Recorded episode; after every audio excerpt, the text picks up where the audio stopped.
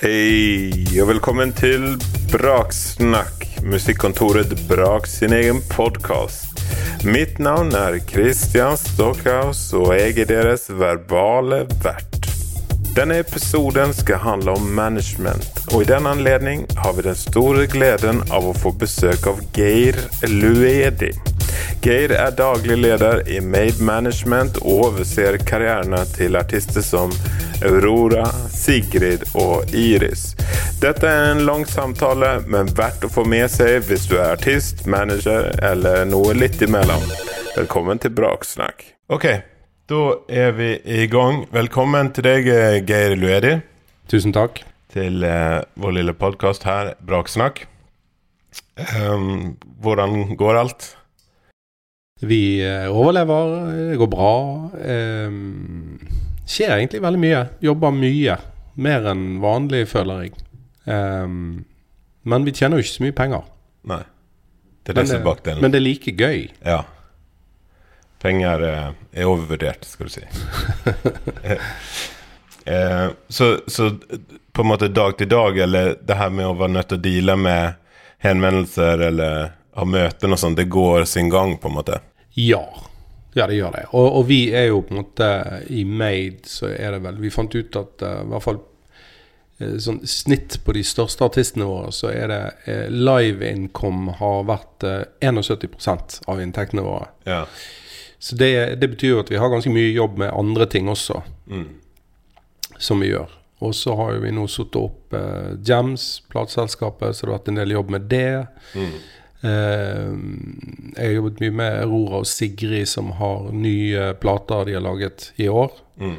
Og det var også planen. Så sånn sett så var vi litt heldige med, med situasjonen. Mm. Så nå nærmer de seg slutten der. Um, så nå skal de utgivelsene settes opp og, og sånt. Så det er en del jobb med det. Mm. Og så har vi Iris som er nesten ferdig med nytt album. Så det har vært mye sånn kreativt. Så det, det er jo derfor det har vært gøy. Mm. Og så har vi noen nye artister som vi jobber med, som er under utvikling. Eh, men eh, av de prosessene, da, hva, hva syns du er kjekkest å jobbe med? Åh, oh, det er vanskelig. Jeg liker jo hverdagen min fordi at den er så uh, variert. Men det er jo klart, det, er, det jeg liker minst, er jo uh, all e-posten. Mm. Uh, sånn Organisere ting og logistikk og sånt, det er ikke jeg noe flink på i det hele tatt. Mm. Eh, men det jeg liker best, er å få inn eh, musikk som jeg eh, elsker, og som jeg kan høre på, og som jeg kan tenke meg til at hvordan vi kan få til å sitte på en eller annen måte der ute. Og mm, jobbe med helt ferske, nye talenter er også kjempegøy. På en måte starte og reise nå, kan man si. Ja. Mm. Eh, hva syns du er den største misforståelsen av hva en manager skal gjøre? Ja, Altså Det kommer jo noen artister inn som, som, sier liksom vi har lyst på en manager, og det er så mye logistikk og vi har, lyst til, vi har lyst til å ha en manager som skriver søknader og bestiller flybilletter og, mm. og sånt. Og det En assistent pluss, pluss? Ja. ja. Og det er jo ikke det vi driver med. Altså Vi, vi bestiller jo flybilletter, eller det vil si det gjør reisebyrået reisebyrå for oss. Mm. Så den er jo en litt sånn misforståelse. Management har jo forandret seg veldig de siste 20 årene. Um, fra å være kanskje en som håndterte kontraktene og, og alt logistikk, til nå å inneholde liksom A&R og social media, marketing-folk. Så det kan være hva som helst nå. Jeg føler på en måte at managementen har blitt mer en sånn slags 360. Mm. Og så er det jo også noen eh, managere som har bakgrunn som advokat, og som er flink med kontrakteringer, og som eh, måtte eh, ikke har Som stoler på plateselskapene når det kommer til den kreative prosessen. Um, og vi er jo motsatt. Vi kommer jo fra den kreative prosessen sjøl og er mer opptatt ut av den, og så bruker vi advokater til å håndtere mye av de kontraktuelle tingene. Mm. Litt som et, mer som et nødvendig onde? Ja. Ja, ja, jeg, egentlig. Mm. Altså Det er ikke det som interesserer oss. Og jeg, og, jeg, merker også at eh, det er klart vi, vi, må jo gjøre en god jobb for artistene våre når det kommer til forhandlinger, og vi har mye erfaring med det. Og det, det kan være interessant og gøy. Spesielt hvis man virkelig får det til. Men mm. uh, Men ja, det er ikke det som er vår spisskompetanse. Og så har vi veldig, veldig bra folk som gjør det for oss, og som vi er glad i, og som vi har jobbet med hele tiden. Mm. Så det, det, en manager kan være så mye, så det er ikke så mange misoppfatninger. Men jo, det er mange som tror at det jeg sitter og holder på med, er å bestille flybilletter. Mm. Og det er det ikke. Nei. Takk Gud for det. Eh, Jeg har gjort det. ja, eh, det er vel kanskje Altså, det du gjør nå, er å finne noen som kan gjøre det, istedenfor å gjøre det sjøl. Altså, Ja, altså vi sparer masse penger på å la et reisebyrå gjøre den jobben. ja. Eh, men hva er det et management kan hjelpe en artist til å videreutvikle, oppnå eller gjennomføre? Det jeg tror er at nå når eh, Altså bransjen er jo i konstant forandring. Og, og bransjen eh, Det er noen som sier at musikkbransjen forandrer seg hver dag. Det er helt umulig å forholde seg til hvordan dette kommer til å bli. Og, og Spotify er ikke noen endestasjon. Det, det er bare et steg på veien til hvor vi kommer til å eh, komme. Men det som er helt sikkert, er at eh, i og med at managementene har tatt en mye større rolle, så kan eh, Og de fleste managere som har hatt en bitte liten suksess, starter også et lite selskap og en liten publishing-avdeling. Sånn at eh, et management kan jo gjøre alt for en ny artist. Og jeg tror at eh, pga. at avtalene med artistene som vi har, er jo veldig snille avtaler, i motsetning til en avtale man gjør med f.eks. Liksom, den store, stygge Universal, som tar liksom hva du får noen penger, og penger er viktig, eh, men, men de eier jo da 80% av inntektene på, eh, og eier copyrighten for resten av livet ditt. Mm. Eh, og det er jo kjipt hvis det ikke funker. Mm. Og det funker jo ikke for ni av ti. Nei. Sånn at hvis man begynner med et management eh, Og vi er jo veldig sånn Vi kan ha en lang prøveperiode, og, og vi har sikkert noen artister vi ikke har fått skrevet under med ennå heller. Det er ikke så veldig viktig for oss. Det er et forhold som må være bygget på tillit. Mm. Og så, kan, eh, og så kan man sette i gang et eller annet, og så kan man se om man liker det. Og hvis ikke man liker det, så kan man stikke. Mm. Eh, men det kan du ikke fra en Universal-avtale. Eh, og jeg ser også det at det, eh, altså Kobalt, som nå er blitt gigantisk svære, de har også veldig hyggelige dealer. The Orchard har veldig hyggelige dealer. Mm. Så jeg, jeg tror og, og tenker at management eh, kan være en god ting for en artist i begynnelsen. Fordi at de kan få veiledning i, i, på det kreative, og, og sette det kreative i forhold til hvilke ambisjoner man har kommersielt. Mm. Altså Jeg har lyst til å nå toppen på Billboard. Ok, da må vi gå inn og gjøre noen forandringer i musikken din. Eller jeg har lyst til å bli så og så stor, og jeg har lyst til å nå de og de spillestedene og sånt. Ok, da, da har vi det kanskje, eller vi må gjøre noen forandringer. Vi kan Mm. hjelpe med å finne låtskrivere, produsenter, vi kan kanskje finne rette label eh, etter hvert. Vi kan sette opp noen konserter og se hvordan det fungerer, og, og rette på ting. Uh, og hvis ikke du liker deg med oss, så kan du stikke. Mm. Istedenfor å sende en demo til et stort plateselskap som signerer deg for fire plater, Mm. og så viser det seg at egentlig så likte jeg ikke dette. Mm. Eh, eller enda verre, jeg har signert det, men det var jo ikke nok penger allikevel. Mm. Og da sitter jo du liksom Ja, men dette hadde fungert hvis det hadde vært nok. Mm. Men det er ikke nok. Nei. Og så ligger det også litt sånn at hvis du signerer til en av de store i Norge, Universal, Warner, Sony, så signerer de stort sett for hele verden. Men eh, det er begrenset hva de har fått til ute i verden. Mm. Et management står mye friere til å pitche dette til eh, hovedkontorene eller de rette territoriene. Mm. Kanskje låse eh, Eller måtte si at vi har lyst til å signe deg til Universal, men Mm. kun i Europa. Mm. Eller kun i USA. Mm. Litt en sånn butikk-label i Japan, f.eks. Ja. Ja. Og det, det er jo sånn um, Aurora har jo tre forskjellige platekontrakter. Mm. Og det er jo morsomt å se hvor mye man får per stream i de forskjellige territoriene. Ja, er det stor forskjell? Ja, det er store forskjeller Ja. på de forskjellige dealene. Ja. Um, det er interessant. ja. Det er, det er skikkelig nerdete. Det er jo litt eh, Med all data man har, så det er jo Ja, man kan jo gå ganske dypt i den analysen? Ja. Er det noe du interesserer deg for, eller prøver å styre unna? Nei, altså Jeg er ikke så opptatt av Spotify, i hvert fall. Nei. Altså, de tallene der eh, lyger. Og det, det Jeg snakket akkurat med en, en agent i London som hadde, som hadde signert en ny artist som hadde seks millioner lyttere. Og så sier jeg oi, det må jo være den største artisten du har. Mm. Å nei sann, langt ifra. Vi har artister som er mye større enn det som har to millioner lyttere. Mm. Og ja, hvordan regner du det ut? Um, uh, ticket sales. Ja. Det er sånn vi regner på det. Så det agentene har sin måte å regne på. Men, men vi har noe som heter chartmetric, uh, der du på en måte får en sånn CPP, altså hvor stor er artisten i verden? Altså Mm. 80, nummer 83 000 i verden, eller Ja. uh, nummer 2000 i verden, eller uh, sånn. Mm. Og det er regnet ut ifra da alle sosiale medier og Google searches og TikTok og whatever. Mm. Og da kan man gå inn og se på alle de statistikkene. Og jeg burde sikkert vært flinkere til å gå inn i det. Men altså et godt eksempel på hvordan man kan bruke sånne data, data er jo at liksom når vi skulle prøve å få til noe med Aurora i Brasil, så var det egentlig bare en guttedrøm som jeg hadde fordi at jeg har reist mye til Brasil. Og så var jeg på ferie i Brasil, og så gikk jeg på Universal og snakket med de om at vi har fått til mye med Aurora i Europa, og, og vi har signert med Glassnot i USA, og det er sånn Har dere lyst til å være med på dette? Så sa de nei, det har vi ikke.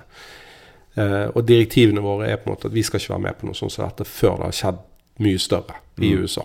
Så vi skal ikke være med. Um, og, og så gikk jeg tomhendt derfra, og, og det var greit. Jeg var på ferie. Og så fikk vi tak i de som drev med fanklubben til Aurora i Brasil, og så fulgte vi med på tallene der. Mm.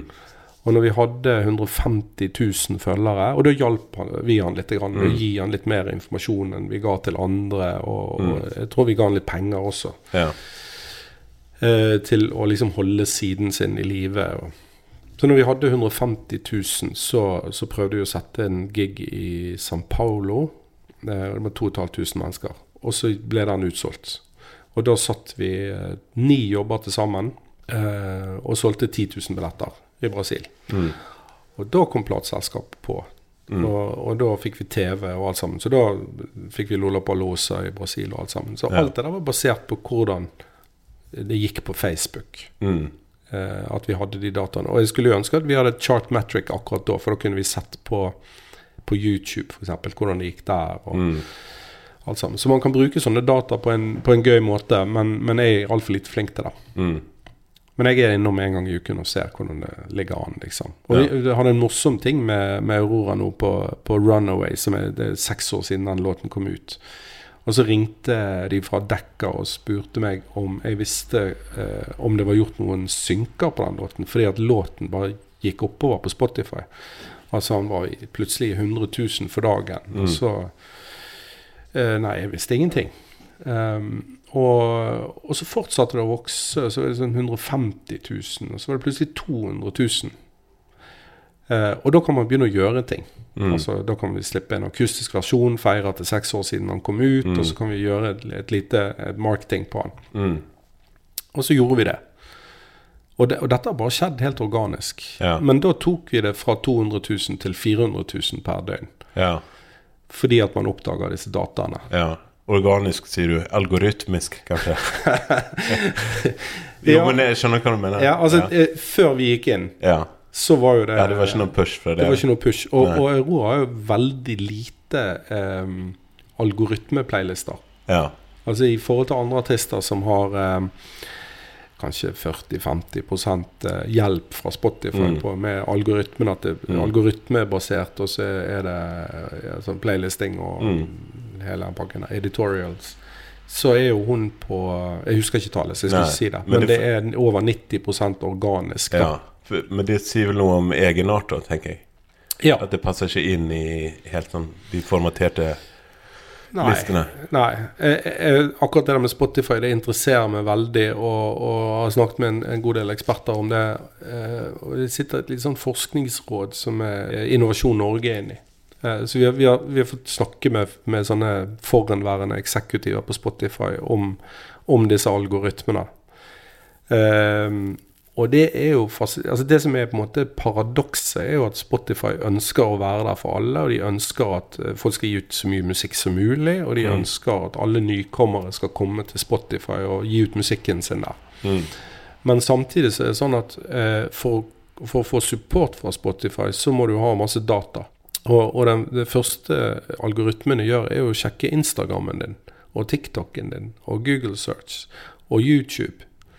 Ehm, og så går de inn og sjekker hvor mange følgere du har på Spotify. Så alle disse søkene som algoritmene gjør før de hører på musikken, gjør at du ikke har nubbesjans. Altså Hvis ikke du har data, så får ikke du playlisting. Ehm, og det er jo så interessant at eh, med Aurora så har YouTube hatt mye større effekt enn Spotify. Mm. Uh, og den neste på listen hennes er live. Ja. Så det er ikke Spotify. Nei. Og det er ikke radio. Nei. Ehm, så, og så, og så det har egentlig ikke vært så mye Spotify-support. Mm. Selv om det går veldig bra. Mm. Fordi det ikke passer inn i de algoritmene. Mm. Men det, det ligger et paradoks i at, eh, at de vil ha inn alt, Mm. og nye artister skal de supporte. Men, Ja. men algoritmene støtter det ikke. For hvis du ikke har nok følgere på Instagram, så blir ikke du vurdert. Nei. Altså musikken blir ikke vurdert. Men eh, de har jo selvfølgelig disse editorial-playlistene som er New Music Fridays og sånt. Mm. Men de er ikke så vellykket. For det er mye dårlig musikk der. Og det, Mm. det er ikke så mange som gidder å høre gjennom hele de listene der. Så. Nei, altså det liksom når det blir uh, russemusikk og cred-musikk blandet, så mister det på en måte Ja. Altså Det bedre hvis det hadde vært sånn Ok, det her er highbrow cred, cred-musikk. Ja. Bare, på en måte. At det var basert på den, den beste, mest nyskapende, originale musikken. Men det tenker de å gjøre noe med, har jeg okay. hørt. At de gjør New Music Friday EDM, New Music Friday country, rock. Ja. Altså at du får liksom en hel haug med lister, så kan okay. du velge ut sjøl hva du har lyst til å følge med på. Ja. Um, og det tror jeg blir bedre. Ja, men det er jo klart Altså hvis du havner Du får en veldig boost av å havne Det blir det kortsiktig, da, men du får en veldig boost av å havne på den listen. Ja, det er jo en historie å fortelle, og Ja. spesielt hvis du får mange. Altså, Ja. Vi fikk eh, 21 eh, New Music Fridays, men, men det er forbausende hvor lite eh, streams du får ut av det. Ja, det flater ut ganske fort. Ja. Ja. ja, og det er ikke så mye i begynnelsen heller. Altså. Nei. Altså Vi hadde Ash Olsen på New Music Friday i USA. Ja. Jeg tror ikke det ga mer enn 20 000 streams. Nei. Det er jo liksom den største New Music Friday-en. Så det, jeg tror de må gjøre noe med det hvis de har, ønsker å fortsette å ha en sånn editorial. Ja. At det er noen mennesker som faktisk sitter og er med og vurdere. Ja. Og, For der, at algoritmene er for dårlig utviklet. ja. og dermed utvikles musikkbransjen videre. Ja. Sånn at det blir uoversiktlig og vanskelig å forholde seg til. Ja. Ja. Men jeg har jo veldig tro på at uh, artistene, altså en nykommer, må komme seg ut og spille. Mm. Eh, og, og jeg er veldig fascinert av den boken jeg akkurat har lest, som heter 'Vippepunktet' av eh, Malcolm Gladwell. Har du lest den? Nei. Altså Det handler jo om at uh, ja, Jeg skal ikke se for dette Men det, det, det er altså et, Når er det det begynner å skje for, for noen? Mm. Det handler ikke nødvendigvis om musikk. Det kan handle Nei. om et skomerke eller men, uh, Og så har han en god del sånne regler som, som kicker inn. Eh, så for meg, for meg så handler det litt om å være flink i å ha flaks. Mm.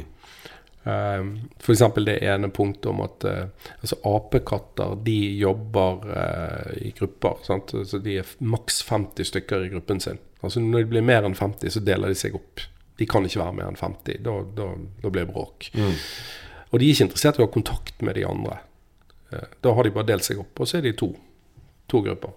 Som gjerne er fiender. Vi mennesker vi er maks 150. Så når du, når du bygger på nettverket ditt med én til, og du er på 150, så det, visker du ut en annen. Mm. Det skjer av seg sjøl. Mm. Så han som lagde Gore-Tex, han het Gore, han lagde fabrikker, og da har han 150 mennesker. Og så, eh, når, når det var fulgt opp, så lagde han en fabrikk til. Ja. Han ville aldri overstige det, for da vet han at folk mister kontakt med hverandre. Mm. Det blir ikke gøy lenger. Nei. Han hadde veldig sånn flat struktur. Her skal vi jobbe sammen.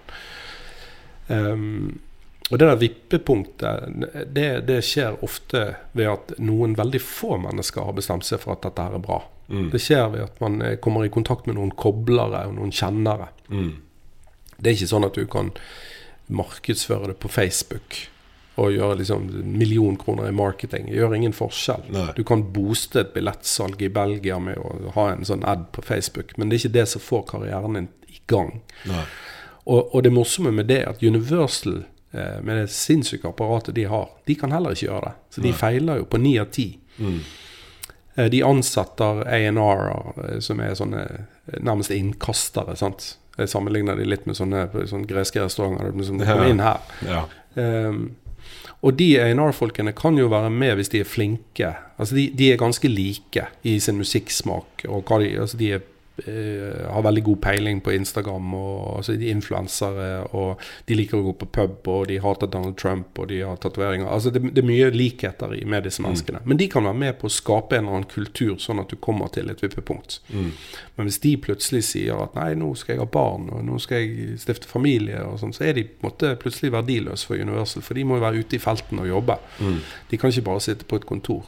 Nei. Og dermed så var den personen kanskje Nå setter jeg det vel på spissen, sant? Mm. men den personen blir kanskje en mislykket ansatt for, for Universal. Og alle de artistene som den A&R-en har signet, det, det skjer plutselig ikke. For du må være ute og få de i Mm. kontakt med folk. og eh, et eller annet magisk skjedde på den ene konserten, og så, så går, er han en av de ryktesprederne. Så han Mm. er på en måte en kobler, eller en, en, en, en kjenner og en kobler som får en, hjelper en opp til det der vippepunktet der det plutselig tar fyr. Mm.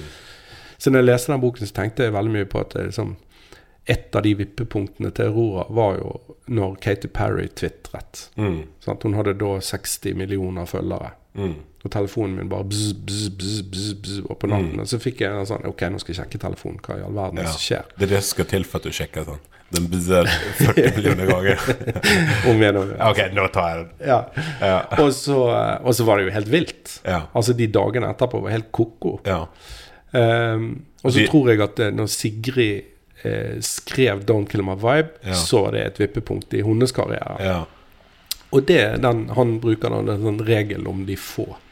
At eh, vippepunktet skjer ikke ved at en stor hær av mennesker kommer inn og sier 'dette skal vi få til'. Nei. Det skjer med at det er noen få mennesker som plutselig eh, hjelper deg opp. Mm. Og de er sånne kjennere og koblere. Mm. Veldig interessant bok. Jeg husker ikke spørsmålet ditt lenger. Nei, hvem husker det? Um, men det, det er jo Plateselskapene pleide jo å ha den funksjonen. Eh, altså som et vippepunkt. Altså sånn at hvis noen blir signet Du hørte på en artist på to forskjellige måter før og etter de var signet på det den plateselskapet som du fulgte da, eller som du kunne gå og se konserter med artister som du ikke hadde hørt fordi at de var signet på et plateselskap som var kult. Ja. Det hadde, det hadde liksom noen slags eh, ja. momentum. Ja, sånn Excel recordings, liksom. Ja, eller en domino, eller Ja. så eh, Men det, det er jo blitt litt vasket ut. Det er det nok det, og det, det tror jeg gjelder liksom eh, Man må jo på en måte, når man er nystartet, prøve å skape et litt sånn bransjemomentum. Mm. Og det er klart at eh, ble du signet til et kult label, så var det et bransjemomentum i seg sjøl. Ja. Eh, og det der blir vanskeligere og vanskeligere, for hvis du spiller på Bylarm, så er det av, av eh, 300 konserter, så er det kanskje fem konserter som, blir, som får den lille drahjelpen. Mm. Så det blir vanskeligere og vanskeligere å skape det bransjemomentumet. Og Spotify handler jo ikke om bransjen i det hele tatt heller. Eh, Det handler om å skape et publikumsmomentum før du har skapt et bransjemomentum. Um, og det er vanskelig. Altså Hvordan da skape et bransjemomentum når det er ingen i bransjen som virkelig Altså Det blir så mange bekker små. Mm. Så det handler om å være original. Da. Prøve å finne, lage noe musikk som er unik. Mm. Fordi i bransjen så liker folk mer unik musikk enn de som bare ser på TV, f.eks., eller Mm. hører på radio. At eh, bransjefolk er litt mer opptatt av at det, at det differensierer seg litt fra det Mm. andre som er der. At man, så, så mange som artister tror at, eh, spesielt i startfasen, at de må lage noe som er veldig kommersielt for at vi skal få bygget opp karrieren. Mm. Mens jeg mener det at eh, det er mye vanskeligere å lage noe som er veldig unikt. Mm. Og at eh, hvis man klarer det, så har man et mye bedre utgangspunkt. Mm. Og så kan man kanskje eh, kommersialisere det etter hvert, hvis de ønsker det. Mm. Men i begynnelsen handler det om å lage noe som ingen har hørt før, og som folk eh, forstår, Mm. og som er tydelig. Tydelig. Det er nøkkelordet. Ja. Men da, kan det komme noe som er, er for på en måte unik til dere? Altså at på en måte er sånn Det er så unikt at det er uangripelig. Altså at dere tar det litt ned på jorden, eller liksom finner ut essensen av Om det så er på en måte image, eller om det er liksom sånn historien, eller um. ja, nei, egentlig ikke. Nei. Altså, vi, vi har en, eh, en artist som vi begynte å jobbe litt med nå, som er bare, helt avantgardisk og helt, eh, helt noe annet. Ja. Eh, og jeg tror det finnes en plass. Eh, men for meg så handler det om Altså, vi skal jo leve ut av det, så vi, vi må jo vurdere en ny artist opp mot liksom eh, eh, Kan vi tjene noen penger på dette? Mm. Men eh, det, jeg tror det hvis det er jævlig bra musikk, så finnes det en plass der ute for alle. Ja. Eh, en eller annen sinnssyk form for rettferdighet. Men eh, begrensningen ligger jo litt i smak. Mm. Altså, vi har uh, heldigvis forskjellig smak. Det er jo det som gjør det litt interessant å snakke musikk med andre. At Mm. eh, andre har en annen, kanskje veldig interessant smak. Du har jo veldig interessant smak. Jeg, har fulgt, jeg det. Ja, jeg har fulgt masse playlister, så jeg Ja. jeg tenkte at han har en veldig interessant smak. ja, takk for det. Eh, men det betyr ikke at vi har helt lik smak. Neida. Sånn at, Og det det syns jeg er interessant. Men det er klart at hvis jeg skal plukke opp en artist, så må det treffe meg på en eller annen måte som har referanser til eh, uh, altså Den musikken du opplever når du er 17-18-19, har så mye å si for deg. Sant? For det er den musikken du opplevde første gang du drakk eller pulte, eller Mm. alle de tingene der. Så det, den har du et spe, spesielt forhold til, enten du vil eller ikke. Sant? Mm. Jeg syns ikke Elton John er en fantastisk vokalist. Mm. Men eh, jeg elsker jo de sangene. Mm. Og det var ikke jeg som kjøpte de platene, men Ja. jeg bare fikk et spesielt forhold til det. Ja. Og jeg tror jo at musikk treffer oss med de referansene. Sant? Det har mye å si. Absolutt. Det er derfor jeg syns det er interessant å høre på hvor andre kommer fra. Altså hvis du går inn på snoke i andre sine playlister, og Mm. så sier jeg da har de nok hatt en litt annen oppvekst enn meg. Mm.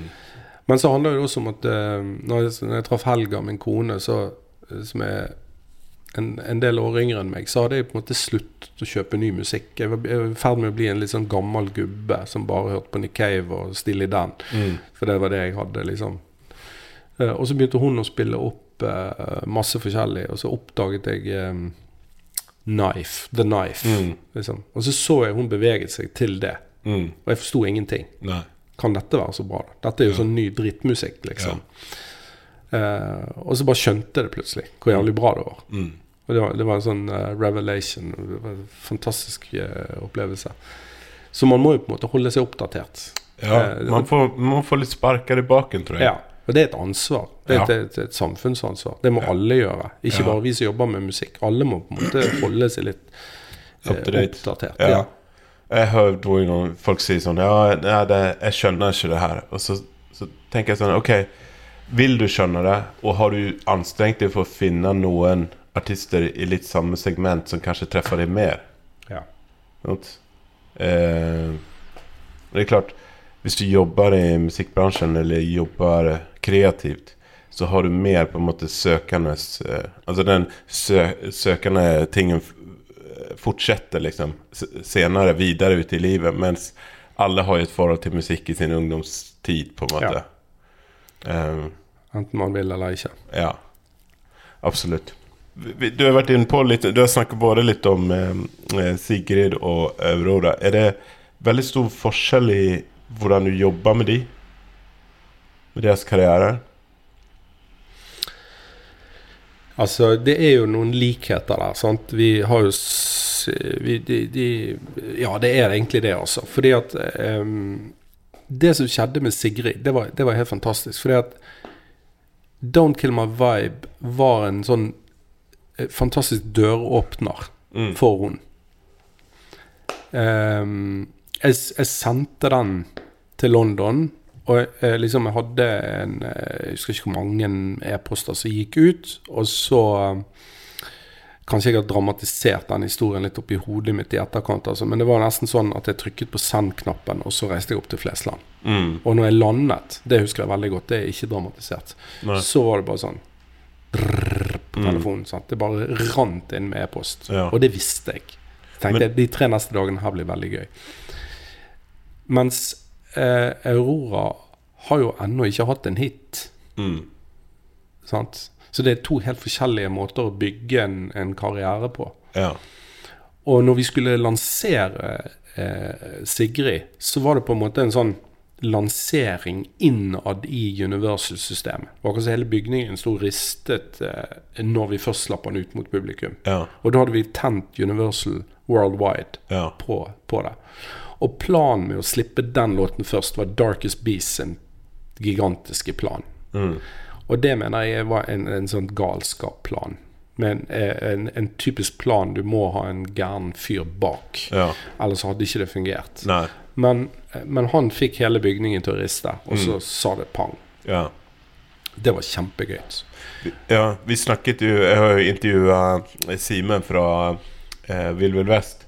Og jeg spurte han litt om Jeg var jo på den konserten på eh, Den legendariske. legendariske. Og der, der var det liksom Jeg følte at det var vedtatt at det her kommer bli stort. Det her er en hit. Første gang jeg hørte Don't Kill My Vibe eh, på konserten. Ja. Eh, fikk du den følelsen òg? Ja, jeg, ja, ja. Altså, jeg visste lenge før den konserten også. Før du var født, visste du at det ble en hit? Eh, altså, nei. Og det, og det var jo en, en, en viktig X-faktor her, hvis vi skal ta litt mer om, om Sigrid før vi snakker om eh, hvordan Aurora er bygget opp. Og det var det at eh, Ok, du har en god låt. Eh, fantastisk artist.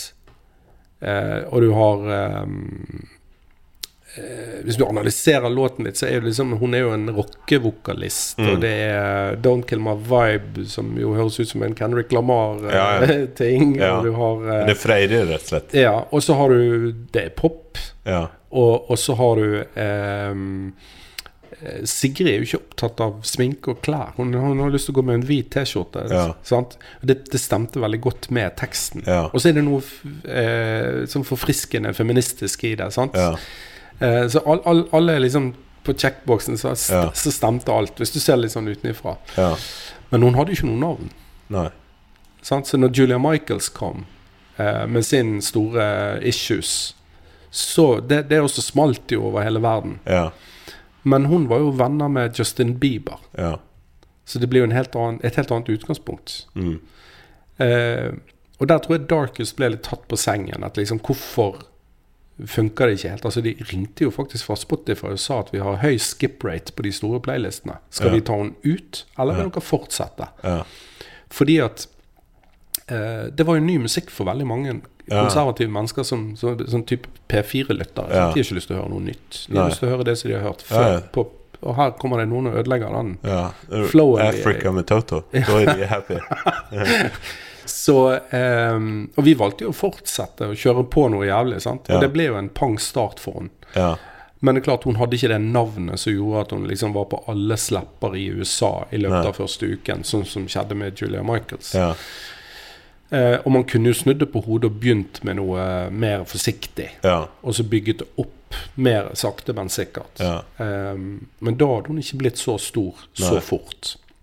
Men noen hadde jo låter å følge opp med. Noen ganger er det vel sånn at hvis man brenner den, den hiten nå, så kommer det noen litt svakere låter etterpå. For Strangers ble jo nesten større, Ja. i hvert fall i, Ja, i. England. Og det, og det var grunnen til at jeg liksom supportet veldig den planen. Var Ja. at eh, jeg likte Altså Darkus har signet store ting. Ja. Eh, Amy Winehouse. Du må forklare litt hva det er til lytterne. Ja, altså, han var da president på Island Records i Ja. UK.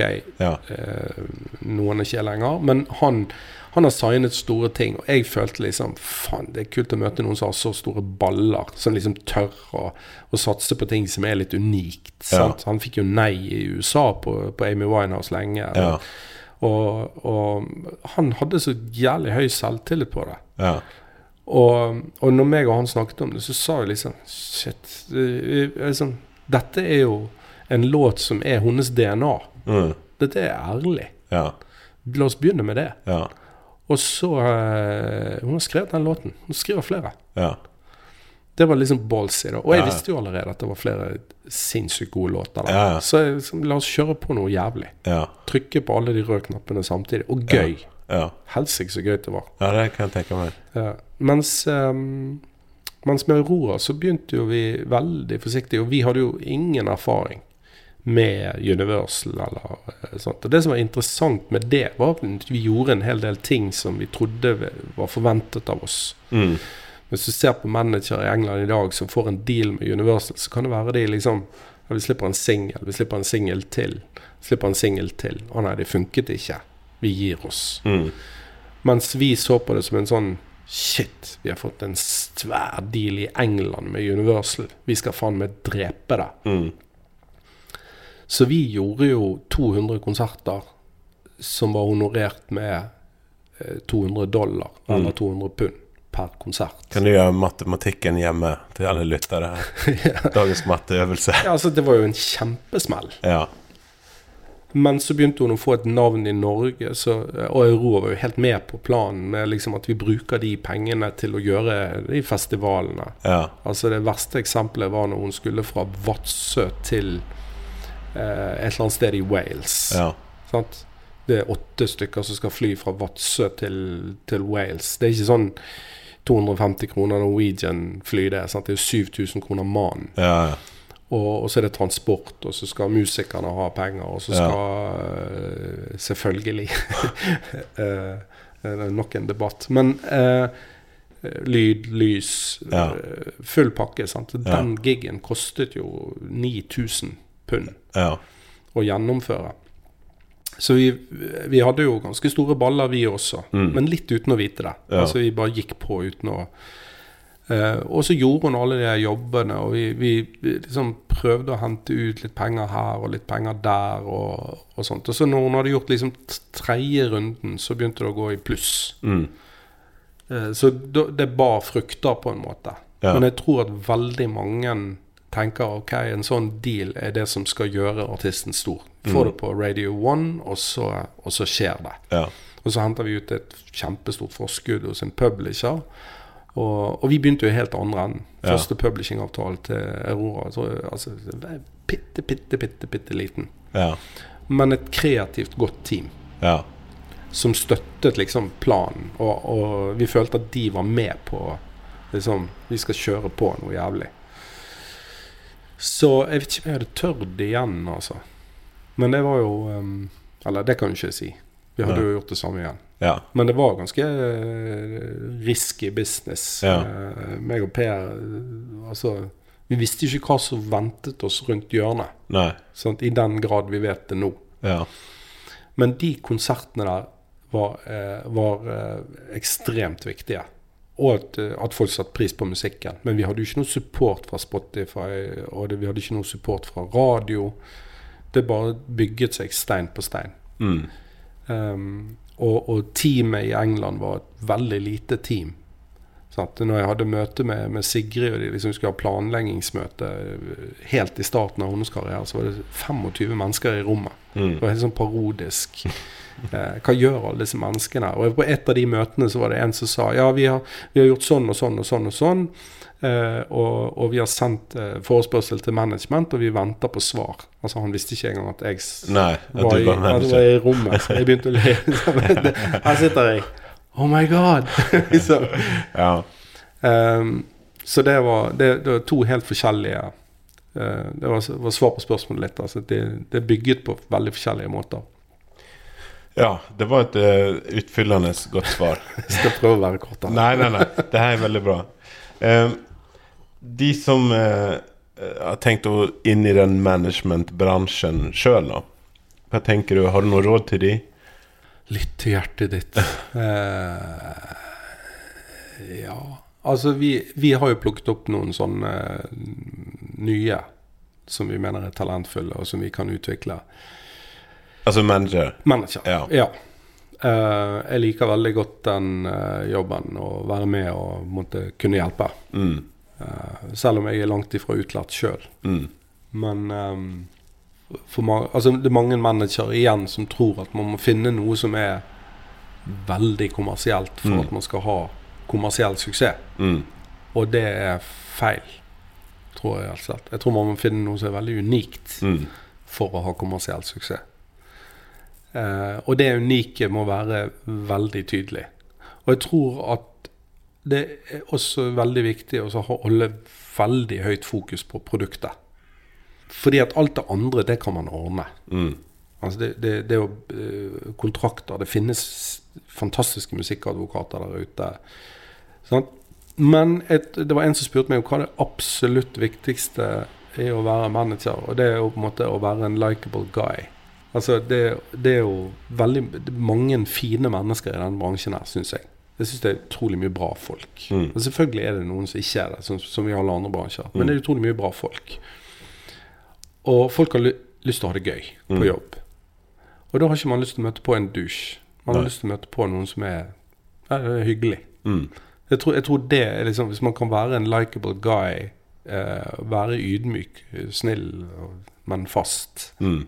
På en måte, um, og som har en eller annen dyp kjærlighet til det produktet de eh, skal jobbe med.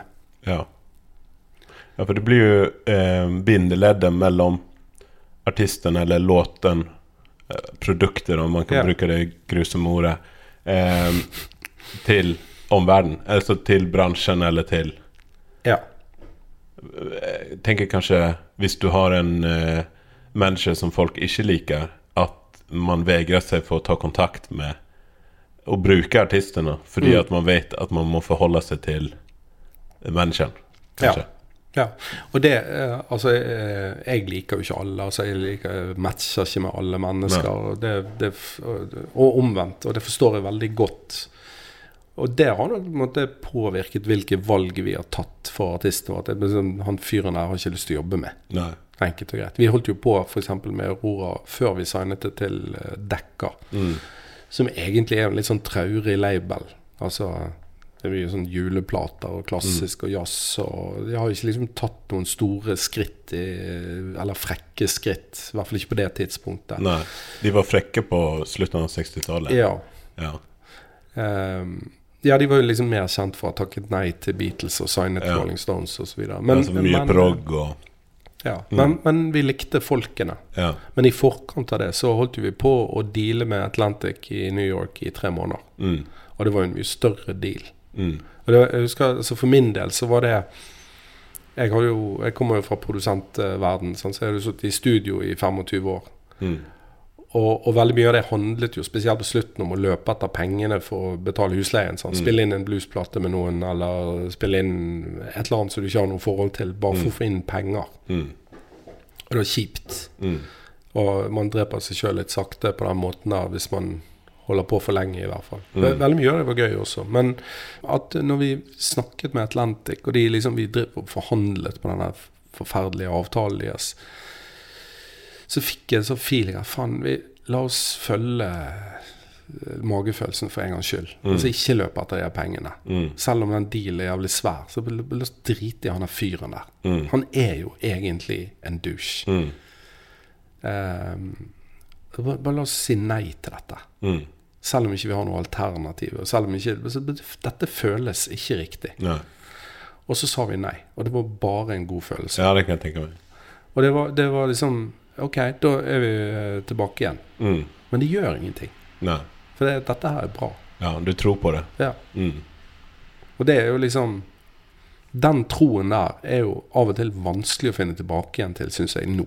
Mm. Nå har det gått snart eh, eh, altså, åtte år siden eller sånt. Vi, vi var i forhandlinger med Atlantic. Mm. Men den der eh, klokketroen, som er kanskje litt naiv, Mm. Den sliter jeg litt med nå, av og til. Å Mm. finne tilbake igjen til. Kan det være pga. på grunn av den suksessen du har hatt, på en måte? At man har en track record der, som man har noe å tape på, mens i begynnelsen så hadde du ikke noe å tape, for du hadde ikke noe du skulle bevise? Ja, det kan godt være. Men jeg vet ikke. Er vi, nå er vi inne på, på ting som jeg syns er vanskelig. Men jeg, bare- jeg leter hele tiden etter den følelsen. Ja. Jeg jobber med det. Mm. Men jeg tror det handler litt om det som du sa, og så handler det litt om at det, det må føles fresht, liksom. Mm. Jeg må virkelig kikke på det. Mm. Og det skjer sjeldnere også fordi at eh, jeg har hørt så vanvittig mye. Mm. At man har liksom Ørene er blitt litt større med Mm. årene.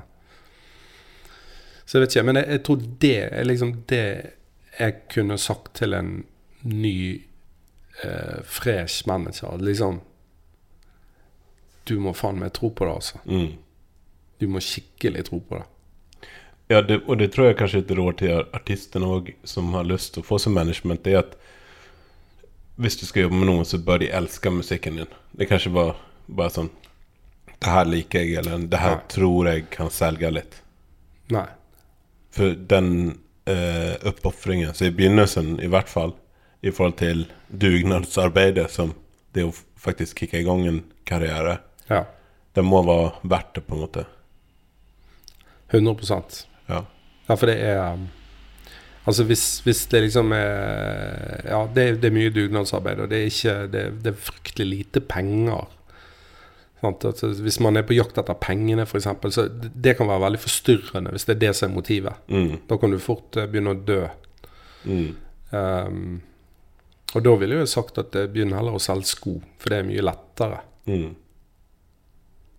Hvis det er det du er på jakt etter. Og det, og det, det, det forstyrrer veldig. Og det, det, det sier jeg liksom fordi at det er der. Du er jo på en evig pengejakt som Mm. manager. sant? Ja. Eh, så når du da får det litt til, så er det lett å liksom la seg beruse litt av den Mm. champagnen. Ja. Og det er et veldig farlig spor. Mm, Fordi at det, det forstyrrer eh, det man egentlig holder på med. mm. Og jeg er jo en sånn som lar seg forstyrre av eh, god champagne. Ja. God kaffe. God, Nydelig kaffe. Det her er noe som jeg har lurt på personlig, egentlig. Etter hvert som på en måte de her eh, managementrollen eh, forandrer seg, hvordan samarbeider dere med plateselskap og booking? Liksom, hvordan blir alt koordinert? Eh, og, og der er det liksom forskjell fra Norge og utlandet. Ja. Altså eh, Jeg hadde en historie med Bylarm der jeg eh, liksom ringte til dem og sa liksom Og vi har jo fylt opp Rockefeller for Bylarm et par ganger. Så, så ringte jeg til dem og så sa jeg at jeg, jeg har liksom ti stykker som jeg har med meg på denne konserten. Men vi skal på en annen konsert først, og så er vi redd for at ikke vi kommer inn på Rockefeller. Kan vi få stå på en liste? Nei. Men uh, Bare nei, liksom. Mm. Det var det. Dere må bare komme tidligere. Ja, men vi skal på en annen konsert først. De er kommet fra USA, og så kan vi få litt hjelp av dere her. Nei. Der har ikke vi noe. Sant? I England så, så er det liksom en helt annen story. Mm. Eh, da er det rød løper til manageren med det som um, Det er en helt annen respekt, på en Mm. måte. Det er vi som styrer prosjektet. Mm. Og det i, i forhold til plateselskapene og booking, så er, handler alt om å få en uh, approval fra managementet. Mm. De tar ingen valg uten at vi er med. De diskuterer Altså all strategi går gjennom managementet. Det er utlandet. Ja. Ja. Altså, jeg, nå har ikke jeg erfaring med å jobbe de siste ti årene med plateselskaper i Norge så mye, men det handler jo eh, Altså Sånn som vi jobbet i på 90-tallet, i hvert fall, så er det Mm. ganske langt unna. Plateselskapet var sjefen, Mm. Og, og manageren var, var en slash bookingagent. Mm. Det er jo det er det ikke lenger. Så vi sitter jo på en måte og får forespørsler fra agentene som har vært ute og hentet tilbud hos promotorene. Og så snakker jeg med agentene om eh, liksom om dette passer inn i Altså, jeg, jeg Vi gir de en slags strategi. Her er det vi har tenkt å gjøre et neste år. Um, og så kommer de med forslag til det, og så diskuterer vi de forslagene. Og så tar vi en avgjørelse. Mm. Uh, og så kobler vi gjerne de opp mot plateselskapet i forhold til uh, hvis vi skal ha sånn presale på platen, med, på billettene og, og alt sammen. Men det er jo så Alt er styrt av managementet. Mm. Men releaser og sånn i forhold til på plateselskaper òg, er det management òg? 100 Ja. Og spesielt med Aurora, som har tre forskjellige plateselskaper, så kommer plateselskapene med ønsker om når de ønsker å ha release. Mm. Eh, og utfordringen der er at i England så slipper du en singel, så må du slippe en ny singel etter maks fire uker. Mm. Eh, mens i Amerika så bruker de kanskje et halvt år på å jobbe opp en singel. Mm. Så amerikanerne har lyst til at vi skal gi ut en singel, og så vente i hvert fall tre måneder før vi slipper noe som kanskje ikke er så kommersielt. Mm. eh, og vente lenge før vi slipper albumet. Og det er jo et problem liksom, du ser på Norge, at vi, vi, vi slipper en Aurora-låt, og så blir han listet på P3, og så kommer han på TV.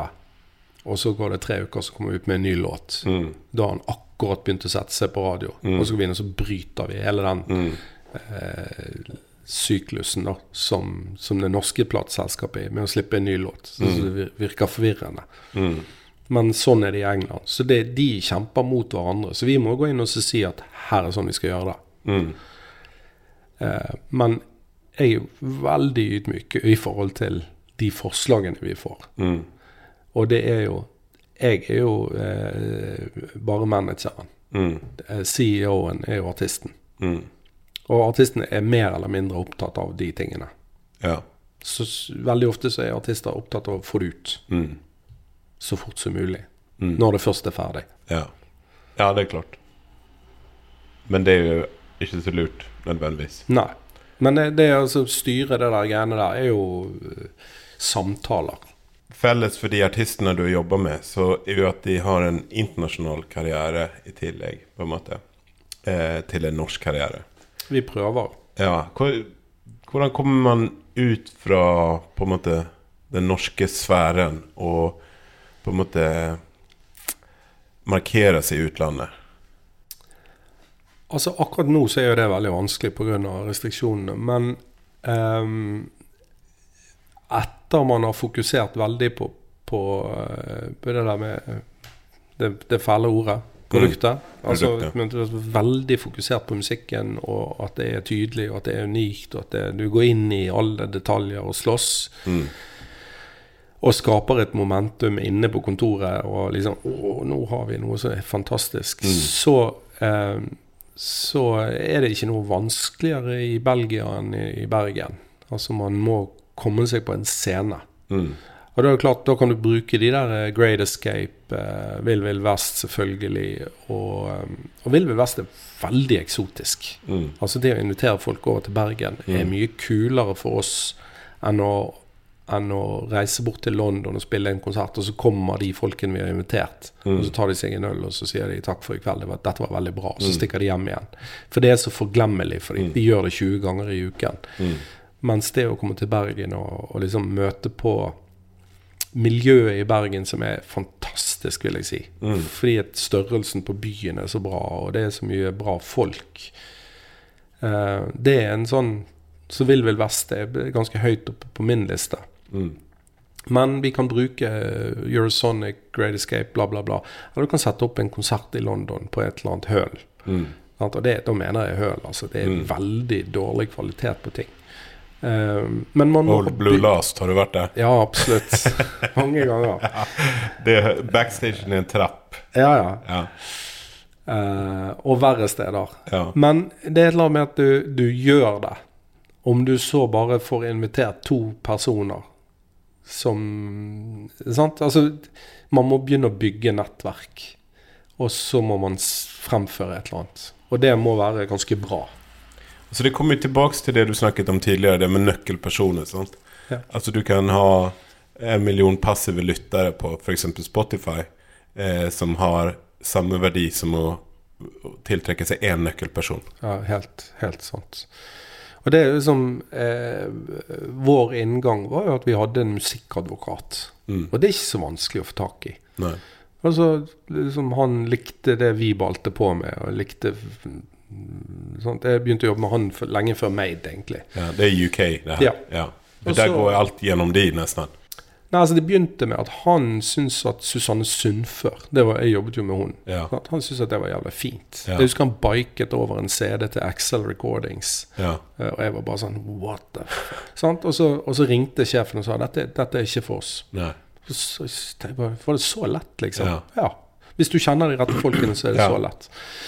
Eh, så jobbet vi litt videre med det prosjektet før det på en måte ikke gikk så bra i UK. Og, men men ehm, så sendte jeg noe annen musikk, og så likte han det. Og så kom han over til Bergen, og, og så sendte han det til en eller annen fyr. plateselskap-fyr som likte det. Og så var vi i kontakt med det, og så tar man vare på alle de kontaktene. Og så, tredje, så ringer du til de folkene og sier du, vi kommer til London om to uker, har dere lyst til å komme på en konsert? Og, og ja, det, det, det, blir hyggelig å ses igjen. Mm.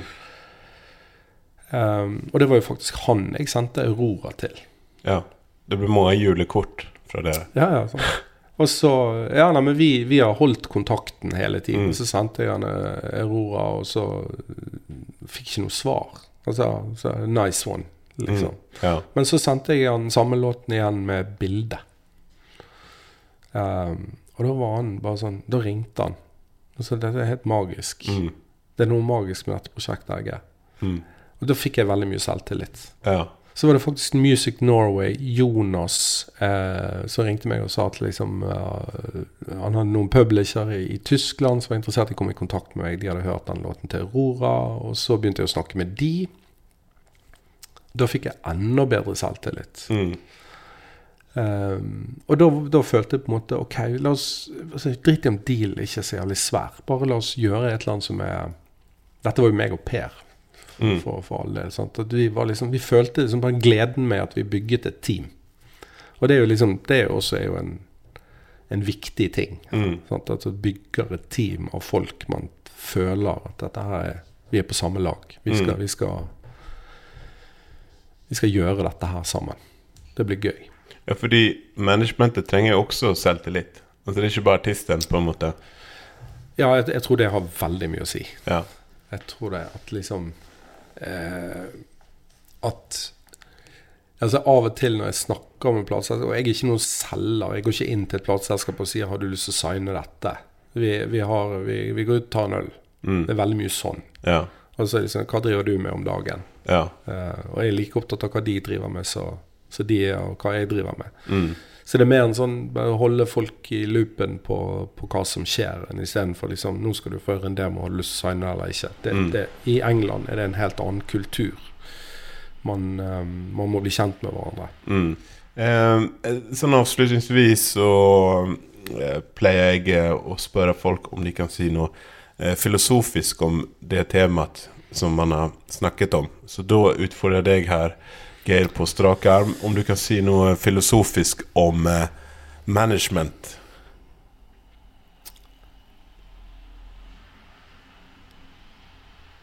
Jeg leste jeg, jeg, vet ikke om det passer helt, men jeg, jo, jeg kan bruke det. Altså, jeg husker ikke engang hvem som har sagt det, men jeg, men jeg sier det likevel.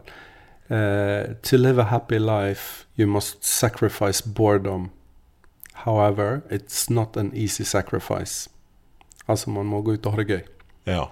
Er det, er det ok? Det er veldig fint. Altså var Hallgeir lærte meg en ting en dag når vi var i en eller annen forhandling. Og så mente jeg at uh, de hadde strukket strikken litt langt. Men samtidig så mente jeg at hvis vi bare sier ja til dette, så er vi ferdig. Mm. Og så er det greit. Og da sa Hallgeir at uh, det var en eller annen same som hadde sagt at et strå som ikke bøyer seg, knekker når vinden kommer. Mm. Og det, det syns jeg fikk, eh, fikk veldig sånn ah, Så bra. For jeg føler alltid for å bøye meg litt, grann, mm. sånn at vi kan møtes et eller annet sted og så bare komme oss videre. Mm. Istedenfor å være sånn beinhard. Uh, og det tror jeg er sånn Folk er så jævlig forskjellige. Og det, det slutter ikke å overraske meg uh, i en alder av 52. At folk er bare så De er ikke litt forskjellige. De er helt vanvittig forskjellige. Mm. Og hvis man da er et strå som kan bøye seg, eh, så knekker man ikke. Da, altså, man må, man må, rett og slett prøve å møte folk. Og, og treffes på midten av og til. Det er, mm, kan være vanskelig, men det, det, når man har gjort det noen ganger, så blir det lettere. Og det er en verdig avslutning på denne samtalen. Tusen takk for at du Tusen takk skal du ha. Tusen takk for at du kom. Bing-ring-ring, dong, dong, dong, dong. Det var det. Tusen takk til Geir Luedi. Følg oss gjerne på Instagram, at brak-musikk, og på Facebook. Og abonner gjerne på denne podkasten hvis den løfter deg opp der du vil være. Ellers finner du oss som alltid på brak.no. Vi er tilbake med en ny episode om kort tid. Hold det ekte i mellomtiden. Mitt navn er Christian Stockhaus, og dette er Braksnakk.